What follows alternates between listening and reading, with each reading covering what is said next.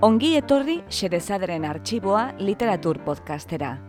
Podcasta hau egiten dugu, saioa gabikago geaskoak, jason elarrinagak eta Ana Moralesek Bilbo iria irratiko estudioan. Guk bezala, zuk ere uste baduzu munduan gauza gutxi direla hain atseginak nola ipuin bat patxada zentzutea, gera zaitez gurekin, eta prestatu munduko kontakizunik bikainenez, euskaraz gozatzeko.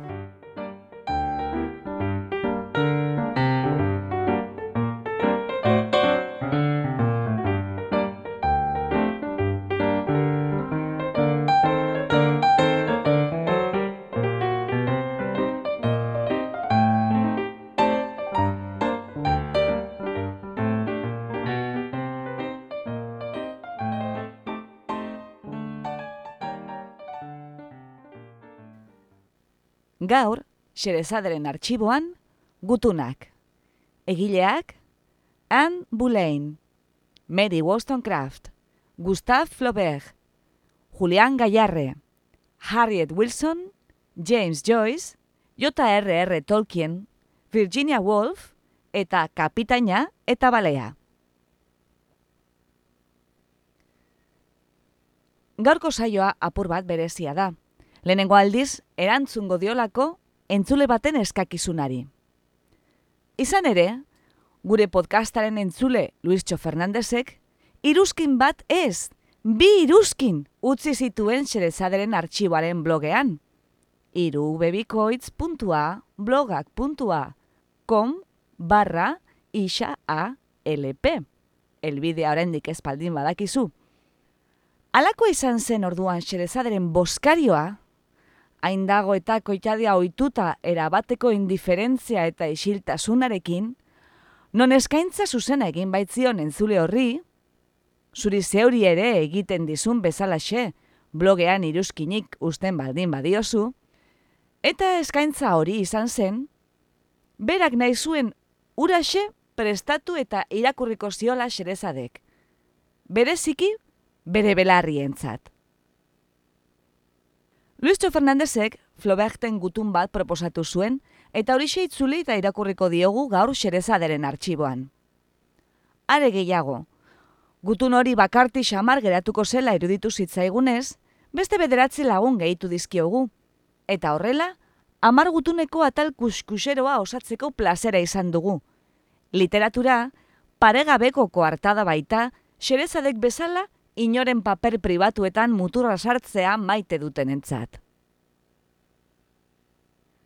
Esan bezala, amar gutunek osatzen dute gaurko saioa. Urrenkera kronologikoan ordenatu ditugu, amasei garren mendean hasi eta hogeita bat garren menderarte. Haien lotura bakarra, gutunak izatea eta egiazkoak izatea da, besterik ez. Beraz, denetariko tonuak eta gaiak aurkituko ditugu. Badugu amodio gutunik, opor gutunik, amorru gutunik, badugu sexu irrika gordineko gutunik, badugu suizidio gutunik, eta badugu email deliranterik ere. Entzun ditzagun bada, lotxarik gabe, mende desberdinetako jende desberdinen hitz pribatuak. Ikusiko dugu ez dagoela ezer berririk eguzkipean. Ah, horrek gogorarazten digu, agian ohartarazi egin beharko genituzkela gure entzule sentiberenak gure gaurko zazpigarren gutunaren, James Joycek bere Andreari idatzitako gutunaren, eduki sexual gordeinaz, eskatologia ukitu eta guzti. Haren ostean, gabon giroko gutun xamur eta multzu bat dator, temperatura igoera pixka bat bare dezagun. Eta orain, az gaite zen. Amasei garren mendean gaude, ingalaterran. Dama bat, eskritorioan jesarrita dago. Eskudantzari eta dotoreaz, ohar bat idazten. Han bulein, ingalaterrako Henry sortzigarrenari. Mila bosteun eta hogeita zazpia. Itzultzailea, Ana Morales.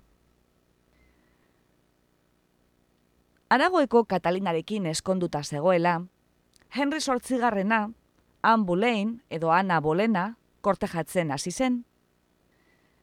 Hala ere, anek uko egin zion, haren maitale bihurtzeari, bere aizpa Mary aurretik izan zen bezala. Orduan erregea, obsesionatu egin zen dibortzioa lortzearekin, anerekin eskontzeko. Gainerakoa, jakina da.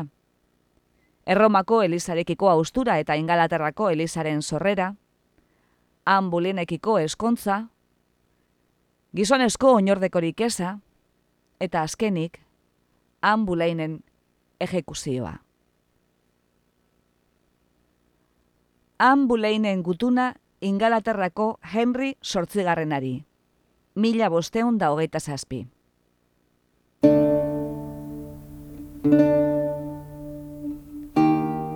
Jauna,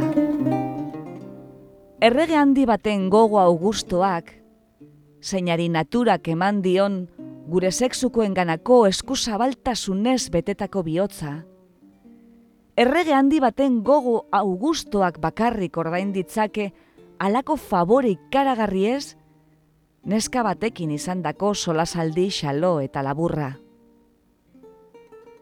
Berorren gorentasunaren aberastasunen altxorra agortezina bada ere, arren eskatzen diot kontuan hartzeko, apika ez dela berorren eskuzabaltasunaren adinekoa izango. Izan ere, alako solasaldi txikia, hain opari handiez aritzen badu, zer esote du egingo beren obedientzia osoa berorren desiretara konsakratzeko prest daudenekin. Jaso ditudan sariak handiak izan da ere, infinituki handiagoa da adoratzen dudan erregeak ni maitatzearen posa. Eta tsegine sakrifikatuko nioke bihotza, fortunak nahi izan balu, nire bihotza berorri eskainia izateko duin izatea. Erreginaren dama izendatu izanak pentsarazten dit, berorren gorentasunak estimuren bat badidala. Horrek parada emango baitit berori sarriago ikusteko, eta neure Espainekin ziurtatzeko, aurreneko aukeran egingo baitut, naizela berorren gorentasunaren zerbitzari txipiena eta obligatuena. Erreserbarik gabe. Anne Boleyn.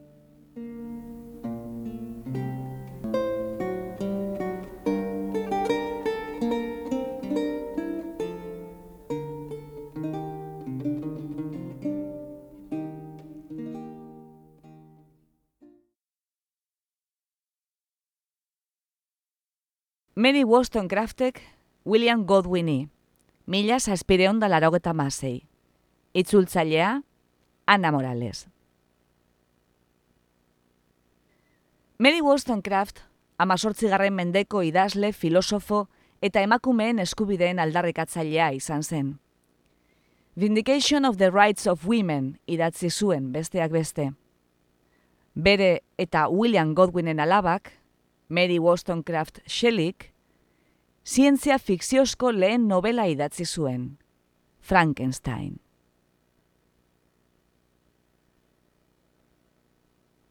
Mary Wollstonecraften gutuna, William Godwini, mila zazpireon da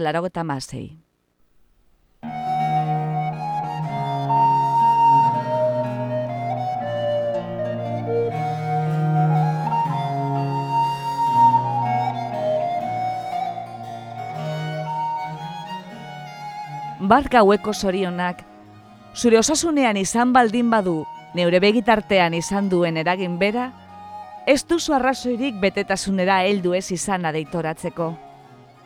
Izan ere, gutxitan ikusi dut alako zu neure azpegietan, nola gaur goizean, oroitzapenek, oroitzapen maitagarriek, gozamenaren gorriaz tindatu dizkidatenean hilea txukuntzen ari nintzela.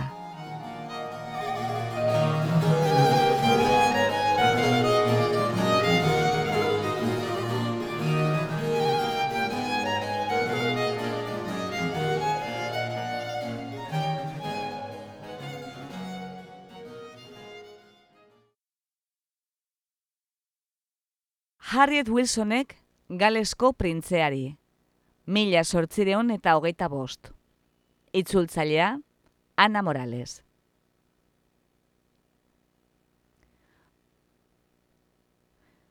Harriet Wilson emeretzigarren mendeko Britaniar kortesana oso estimatu bat izan zen. Sexuko langilea gaur egungo terminoetan. Haren bezero izan ziren besteak beste, Wellingtongo lehen dukea, Britania handiko zenbait ministro eta galesko printzea bera. Harriet Wilson, Jane Austinen garaikidea izan zen.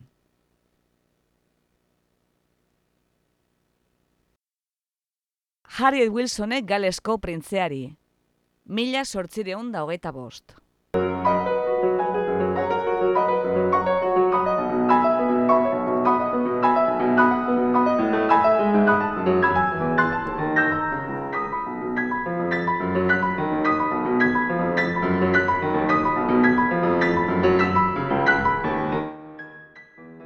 Jauna,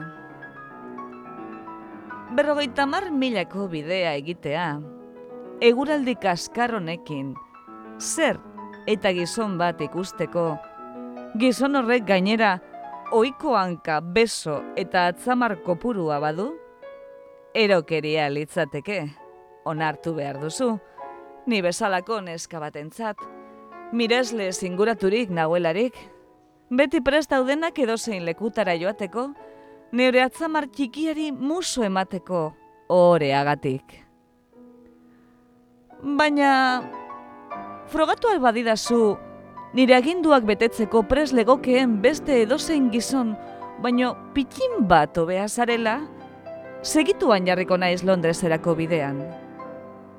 Beraz, Dama bat di atsegin emateko ezero berik egin albaldin baduzu gizon arruntek baino, idatzi oraintxe. Bestela, aio, printze jauna. Ez dizut esango, zeurea, gau eta egun, argi zen ilun, lotxagabegia zarelako.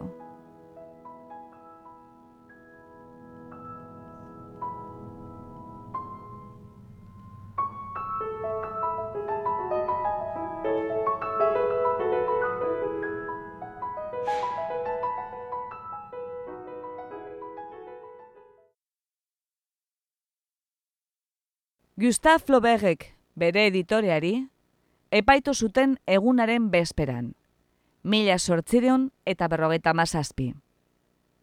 Itzultzailea, Ana Morales. Gustave Flaubert emeretzigarren mendeko novelista frantsesak, Madame Bovary novela idatzi zuen. Horregatik, bera eta editorea, hausitara eraman zituzten, inmoralitatea leporatuta. Gustave Flauberten gutuna bere editoreari epaitu zuten egunaren bezperan, mila sortzireun eta berrogeta mazazpi.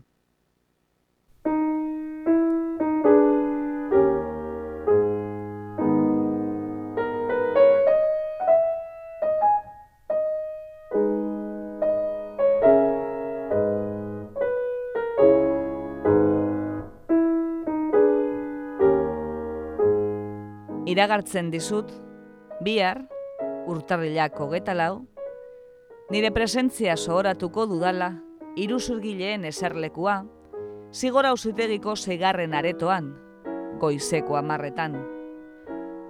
Damak onartzen dira. Ezinbestekoa da, lotxa eta gustu honeko jantziera. Ez dut inongo justiziarik espero kondenatuko naute. Eta behar bada, zigorrik handiena esarriko. Ordain estia nire lanerako, bultzada prestua literaturaren tzat. Behar bada, egunen batean, aukera izango duzu kontu hauek, enperadoreari kontatzeko. Adibidez, aipatu halko zenioke, zelan nire epaiketa izan den, bere agintaldian izan dako doilorkeriari kergelena. Naigabetzen omen ditut, sotana laburreko eta sotana luzeko jesuitak. Lehenengoak, nire metaforekin sumintzen dira. Bigarrenak, nire izkera argiarekin eskandalizatzen.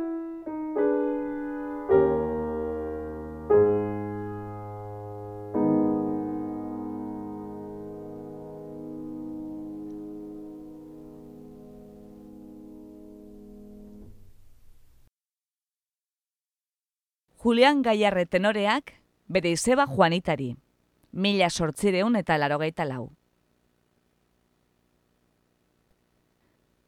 Julian Gaiarre, emeretzi garren mendeko opera kantari handia, erronkarin jaio zen, Nafarroan. Txikitan, hartzaina errementaria eta forjaria izan omen zen. Nagusitan, nazioarteko antzoki distiratzuenetan triunfatu zuen. Milango eskalan, Londresko Covent Gardenen, Parisko Operan, eta bar, eta bar. Euskalduna zen, eta Madrid, Barcelona, Paris eta Italiako zenbait iritako funtzioen amaiera gisa, Gernikako arbola kantatu hoi zuen. Irakurriko dugun Euskarazko gutun honek, aukera ematen digu gaur egun desagertuta dagoen erronkariera dastatzeko. Eta dastatzea aipatuta, adi xeetasun mamitzu hauei. Gutunean aitortzen duenez, gaierrek irun eskatsa jaten omen zituen posterako. Eta pikotxo bat bidaltzen zien erronkariko neska guztiei. Dirudienez, pikotxo atximurkada zen erronkariko euskeraz.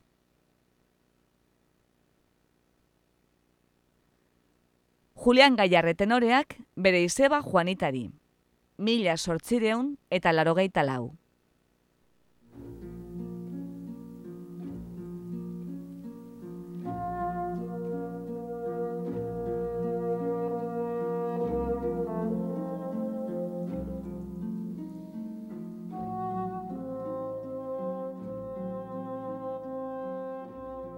Barcelona, 19 de diciembre 1884.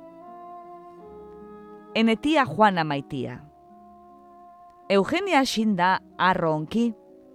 Kemen gaude anizko onki guziak. Eta hori, nola dago.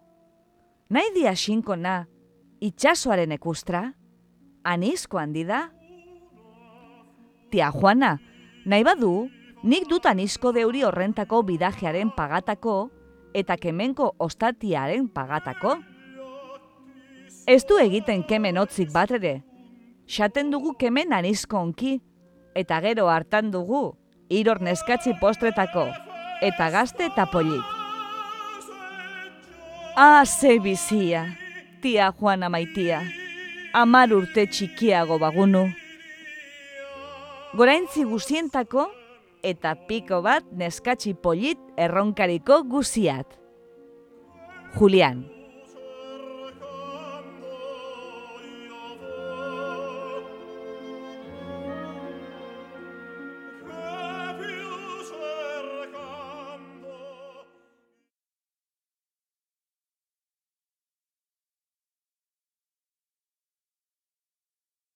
James Joycek bere andre norari mila bederatzeun da bederatzi. Itzultzailea, inigo roke eguzkitza.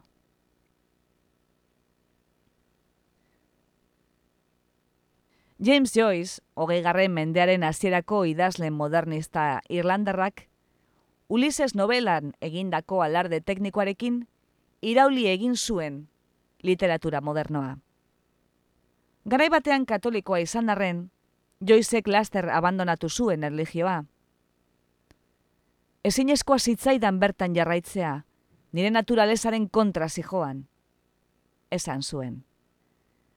Joiz hil zenean, apaiz bat saiatu omen zen, haren emazte nora barnakel kopenzitzen, elizkizuna antolaz esan. Nora barnakelek esan omen zuen. Ezin izango nioke alakorik egin joizen gutun hau, nora barnakeli zuzenduta dago.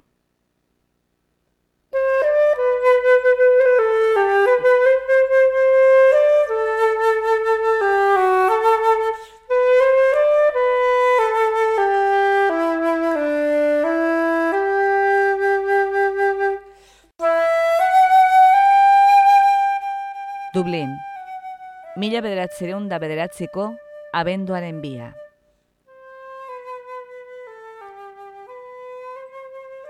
Zureganako maitasunak, modua ematen dit zure begietan ispilatzen den betiereko maitasun eta samurtasunaren espirituari otoitz egiteko. Edo zu nire azpian hartuta, zure zabel lehun horren gainean, atzetik larrua jotzeko. Txerri batek txerrama estaltzen duen bezala. Zure uskiari darion kiratzean eta izerdian loriatuz. Zure soineko altzatuaren irekiduran, neskatilak ulero zurietan, matrail gorrituetan eta hilena hasian loriatuz. Modua ematen dit oro bat, errukizko eta maitasunezko negarretan urtzeko hitzik sotilenaren aurrean.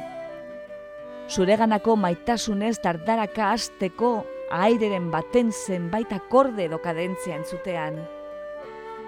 Edo zuri txatxita etzateko, sentituz nola ferekatzen eta igusten dituzten zure altzamarrek, nire koskoiloak, edo atzetik nirekin katigaturik, nola xurgatzen duten zure espain beroek nire sakila, burua zure hanka lodien artean estututa daukadala, eta eskuekin zure ipurdiaren kusin biribilari heltzen diodala.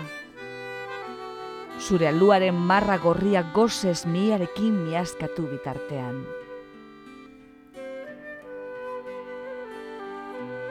Irakatzi dizut ia sorabiatzen nire ahotsa entzuten duzunean, nola abesten edo murmurikatzen dizkiodan zure harimari biziaren grina, samina eta misterioa.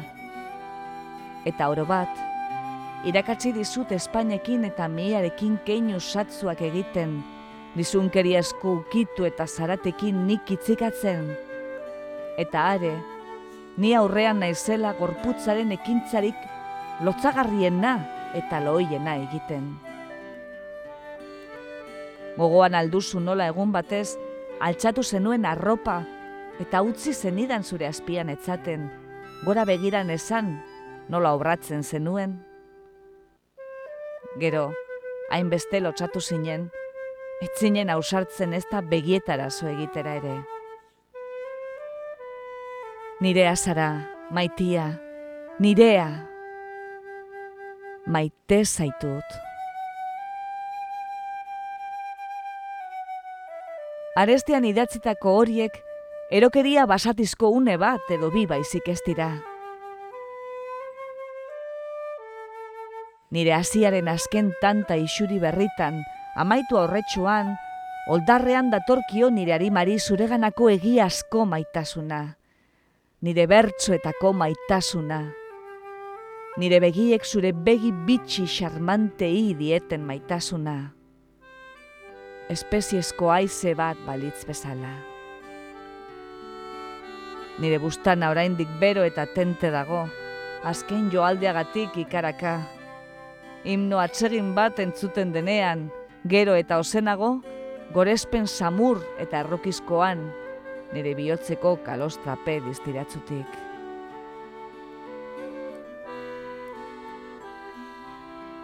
Nora, maite lastana, nire begi goxoko eskolan eskatila lotza galdua.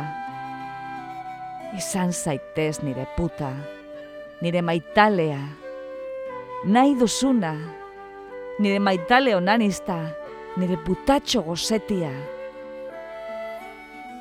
Beti izango zara, egiko basalore eder nirea. Lore, euria ze, urdinilun, nirea. Jim.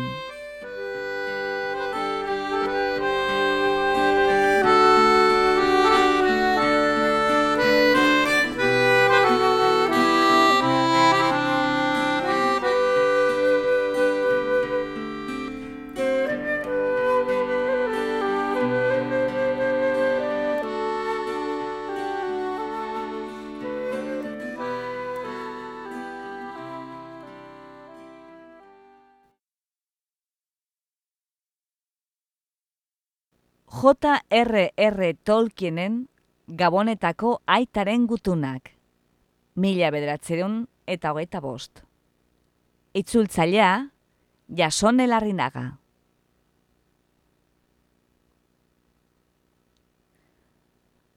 J.R.R. Tolkien, erastunen jauna liburu mardula idatzi zuelako da ezagun. Lau seme alaben aita ere bazen. Gabonetan, mila bedatzeun da hogeitik mila bedatzeun da berrogeta irura, gutunak idazten zituen haientzat, Father Christmas edo Gabonetako aitak idatzitakoak zirela itxurak eginez. Gutun horietan, Gabonetako aitak bere eta bere laguntzaileen abenturak kontatzen zizkien umeei. Tolkienek, eskuz, kolore desberdinetako tintak erabiliz, eta gabonetako aitaren idazkera dardaretiarekin idazten zituen gutunak. Gutunik gehienek marrazkiren bat eukitzen zuten. Tolkienek, gutunazalak eta ipar poloko sigiluak eta sigilu markak ere diseinatzen eta marrazten zituen.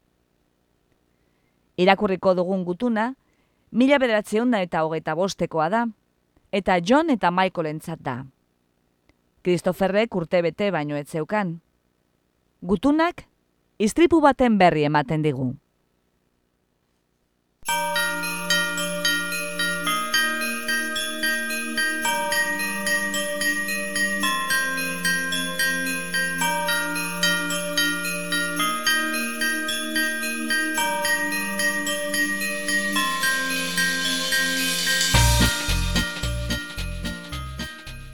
Mila bederatzeron eta hogeta bosteko gabonak. Itxas labarreko etxea. Munduaren gailurra. Ipar polotik gertu. Nire mutil astanok. Aurten, zeharo lanpetutan abil. Eskuko dardara inoiz baino handiagoa da pentsatzen dudanean. Eta enabil oso aberatz. Izan ere, gauza izugarriak gertatu dira, eta opari batzuk alferrik kaldu dira. Eta ez dut lortu ipar poloko hartzak niri laguntzerik. Eta etxe saldatu behar izan dut justu gabonen aurretik. Hortaz, susmatuko duzue zein egoeratan dagoen dena eta ikusiko duzue zergatik daukadan elbide berria eta zergatik ezin izan dudan biontzat eskutitz bat besterik idatzi honela gertatu zen dena. Azaroko oso eguna izetzu batean, nire txanoa egaz joan zen, eta iparpoloaren gailurrean katigatu zen. Ezetze esan nion, baina iparpoloko hartzak gailur zorrotzera igo zuen txanoa ekartzeko. Eta horrela egin zuen. Poloa erditik apurtu zen, eta nire txeko telatuaren gainean erori zen eta ipar poloko hartza zurotik jauzi zen egon gelara, nire txanoa sudur gainean zeukalarik, eta elur guztia deilatutik barrura etorri zen, eta urtu egin zen, eta zu guztiak itzali zituen, eta urtengo pariak biltzen ari nintzen despentsetara sartu zen.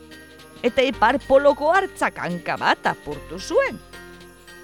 Orain ondo dago, baina inbeste azerretu nintzen berarekin ez didala berriro lagunduko esaten baitu nik uste dut umore txarrean jarri dela, eta datozen gabonetarako pasatuko zaiola. Marrazki bat bidaltzen dizuet, istripuarena eta iparpoloaren gaineko itxaslabarreko etxe berriarena. Etxeak despentza ederrak dauzka itxaslabarretan. Jonek ezin badu nire idazkeraz zahar eta dardaratia irakurri, mila bederatzeon eta hogeta bost urte baita euska, aitari eskatu beharko dio irakurtzeko.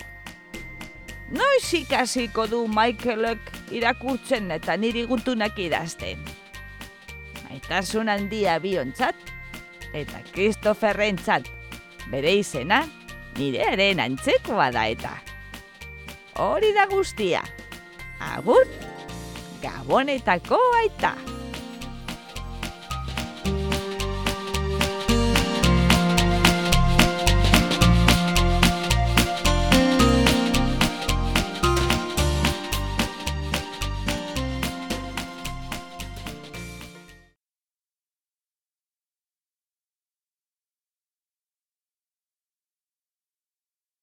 Virginia Woolfen suizidio gutuna Leonard Wolfi. Mila bederatzeun eta berrogeita bat.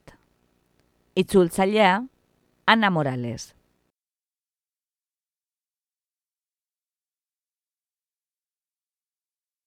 Hogeigarren mendeko idazleen modernista Britaniar handienetako bat izateaz gain, Virginia Woolf funtsesko erreferentea da feminismoaren historian.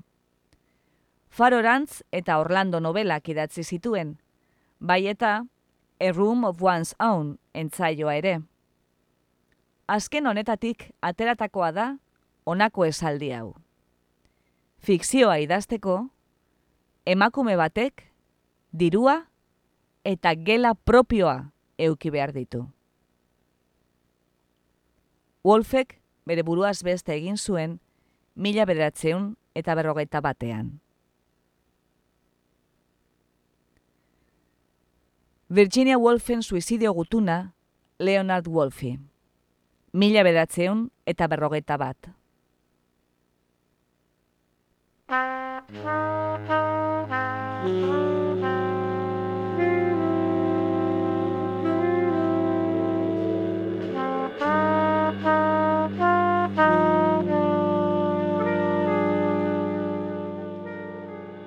Mila bederatzeron eta berrogeta bateko martxoaren hogeta sortzia.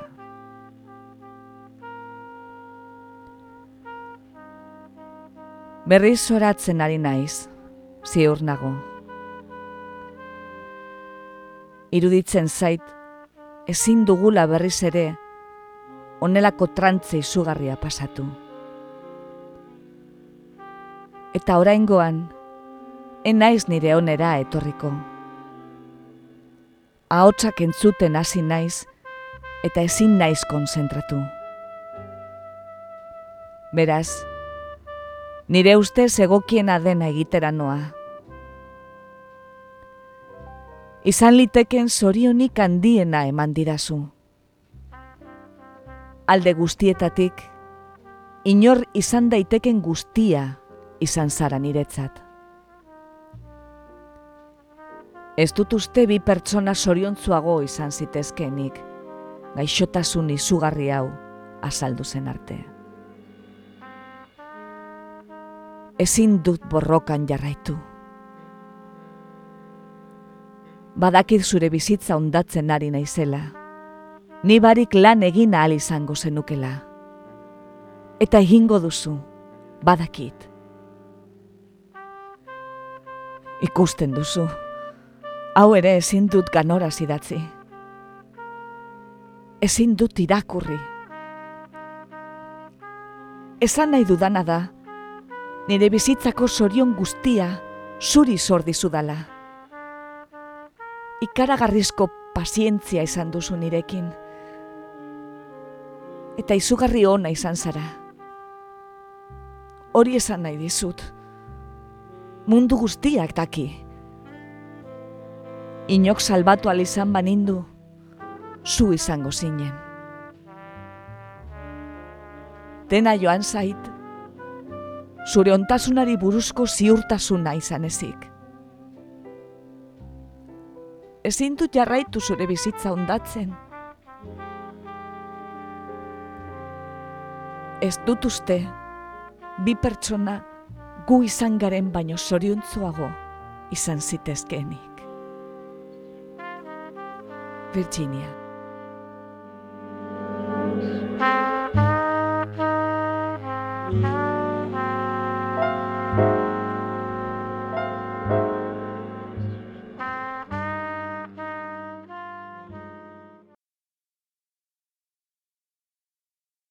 Hogeita bat garren mendeko email anonimoak.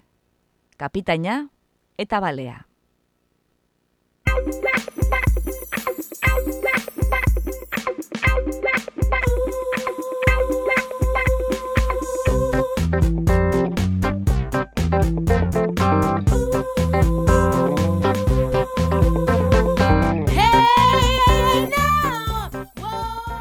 Nork, kapitaina. Nori, balea. Gaia, triste.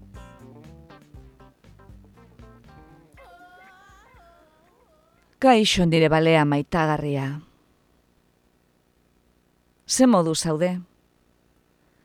Igande gaua oso tristea izan zen zure gorputza gabe. Eta ratzaldea ere bai.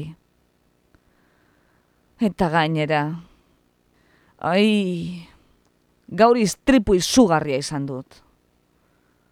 Bitakorak aieran idazteko erabiltzen dudan luma, nire luma maitagarria, jauzi egin zait, puntaz jauzi ere. Hilda dago, ez dago zereginik. Ia, ia, besamot sentitzen naiz. Zelan zaudezu. Espero dut, irribarre argitzu hori ezabatu ez izana. Kapitaina.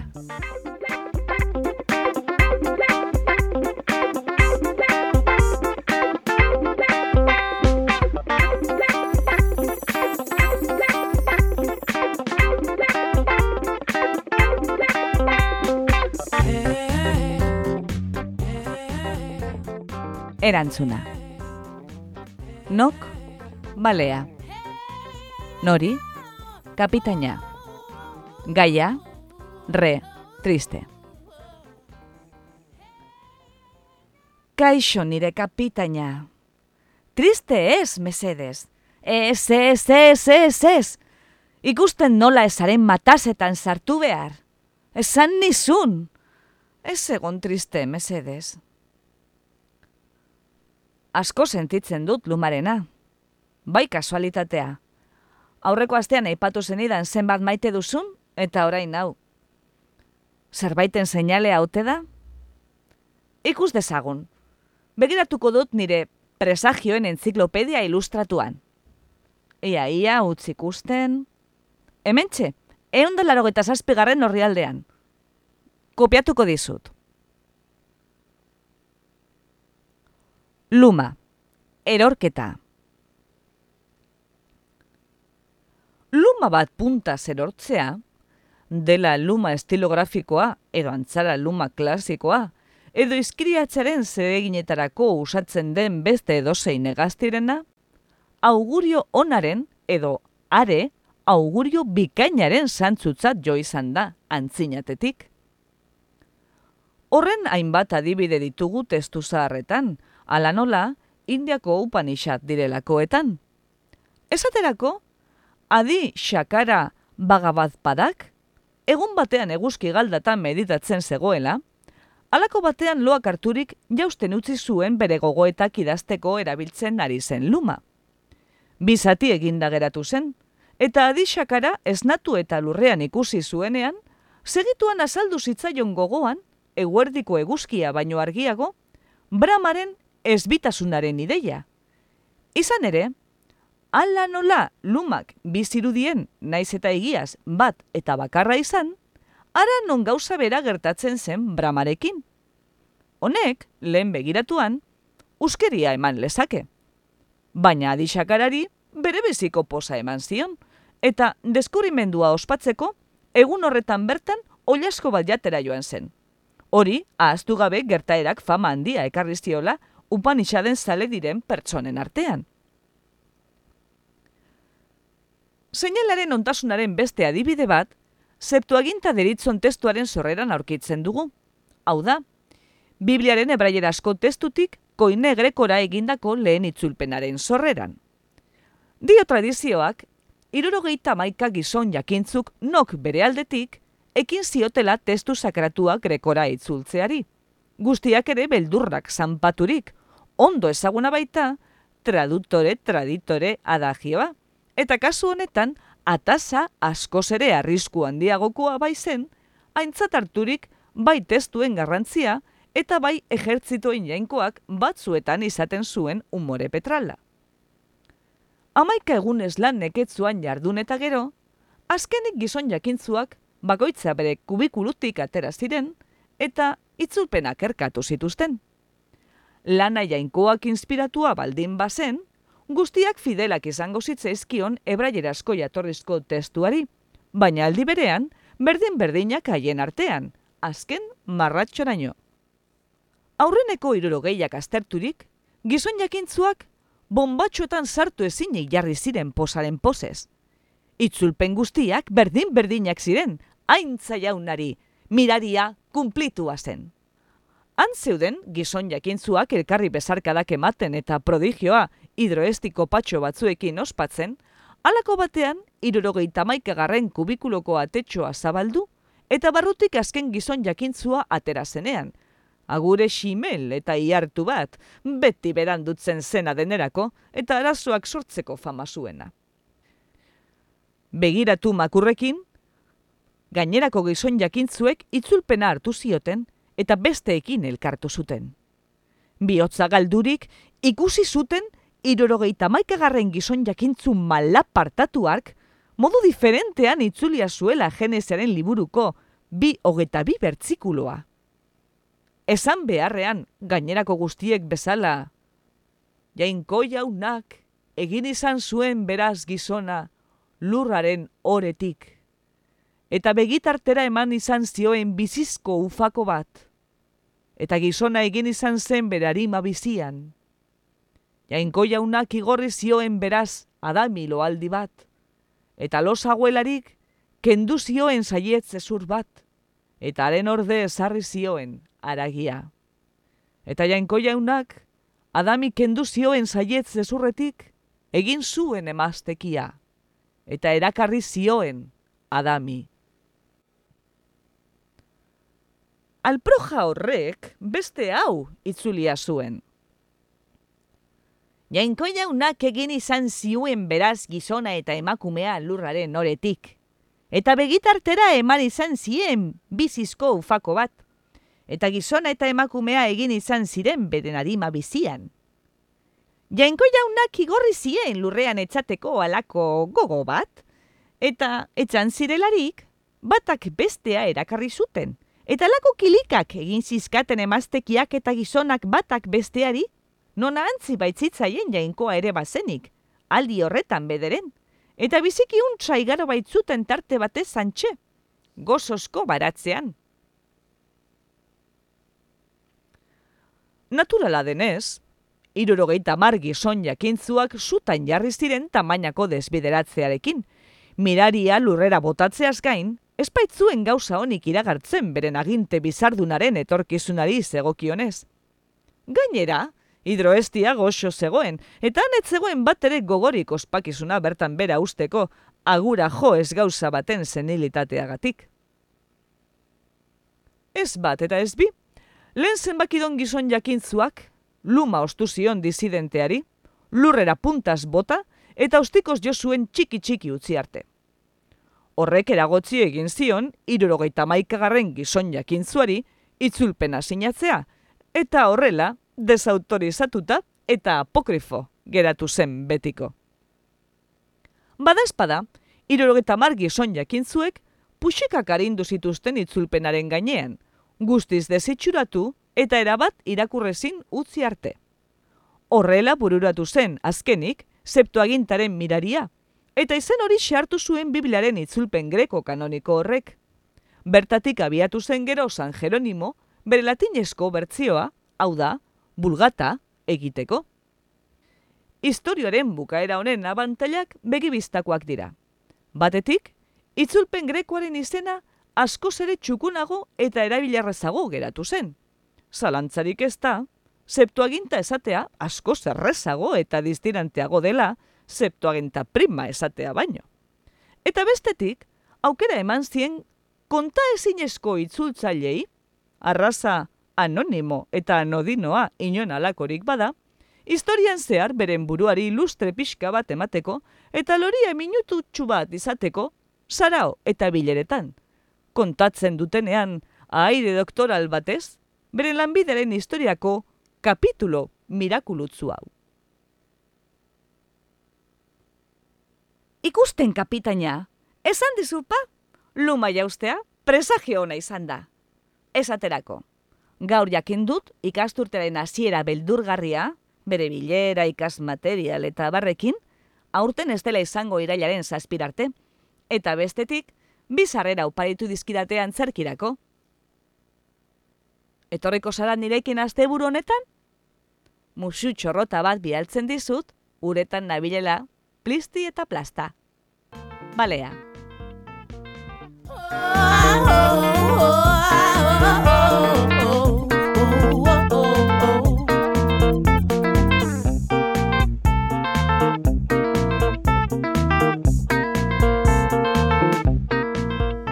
Entzun dituzu?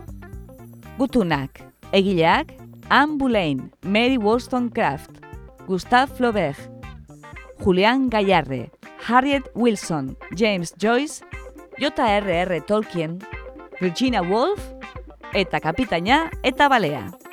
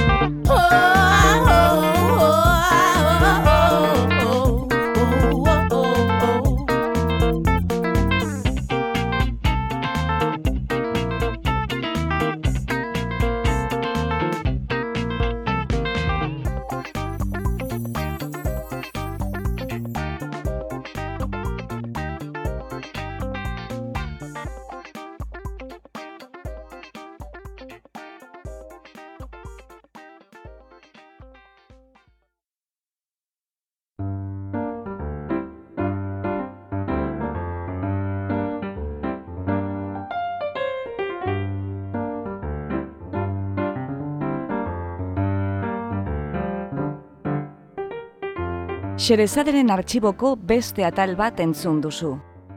Gure doinoa da, Charleston Behind the Attic Door, Dance of the Winds taldearena. Efektuak freesoundetik hartuak dira. Iru ubebikoitz, puntua, freesound, puntua, org. Podcast hau egiten dugu, saioa gabikago geaskoak, jasone larrinagak eta Ana Moralesek Bilbo iria irratiko estudioan. Mila esker gurera hurbiltzeagatik. Gustora egon bazara, etorri urrengo batean berriz ere, xedezaderen arxiboa literatur podcastera. Laster arte!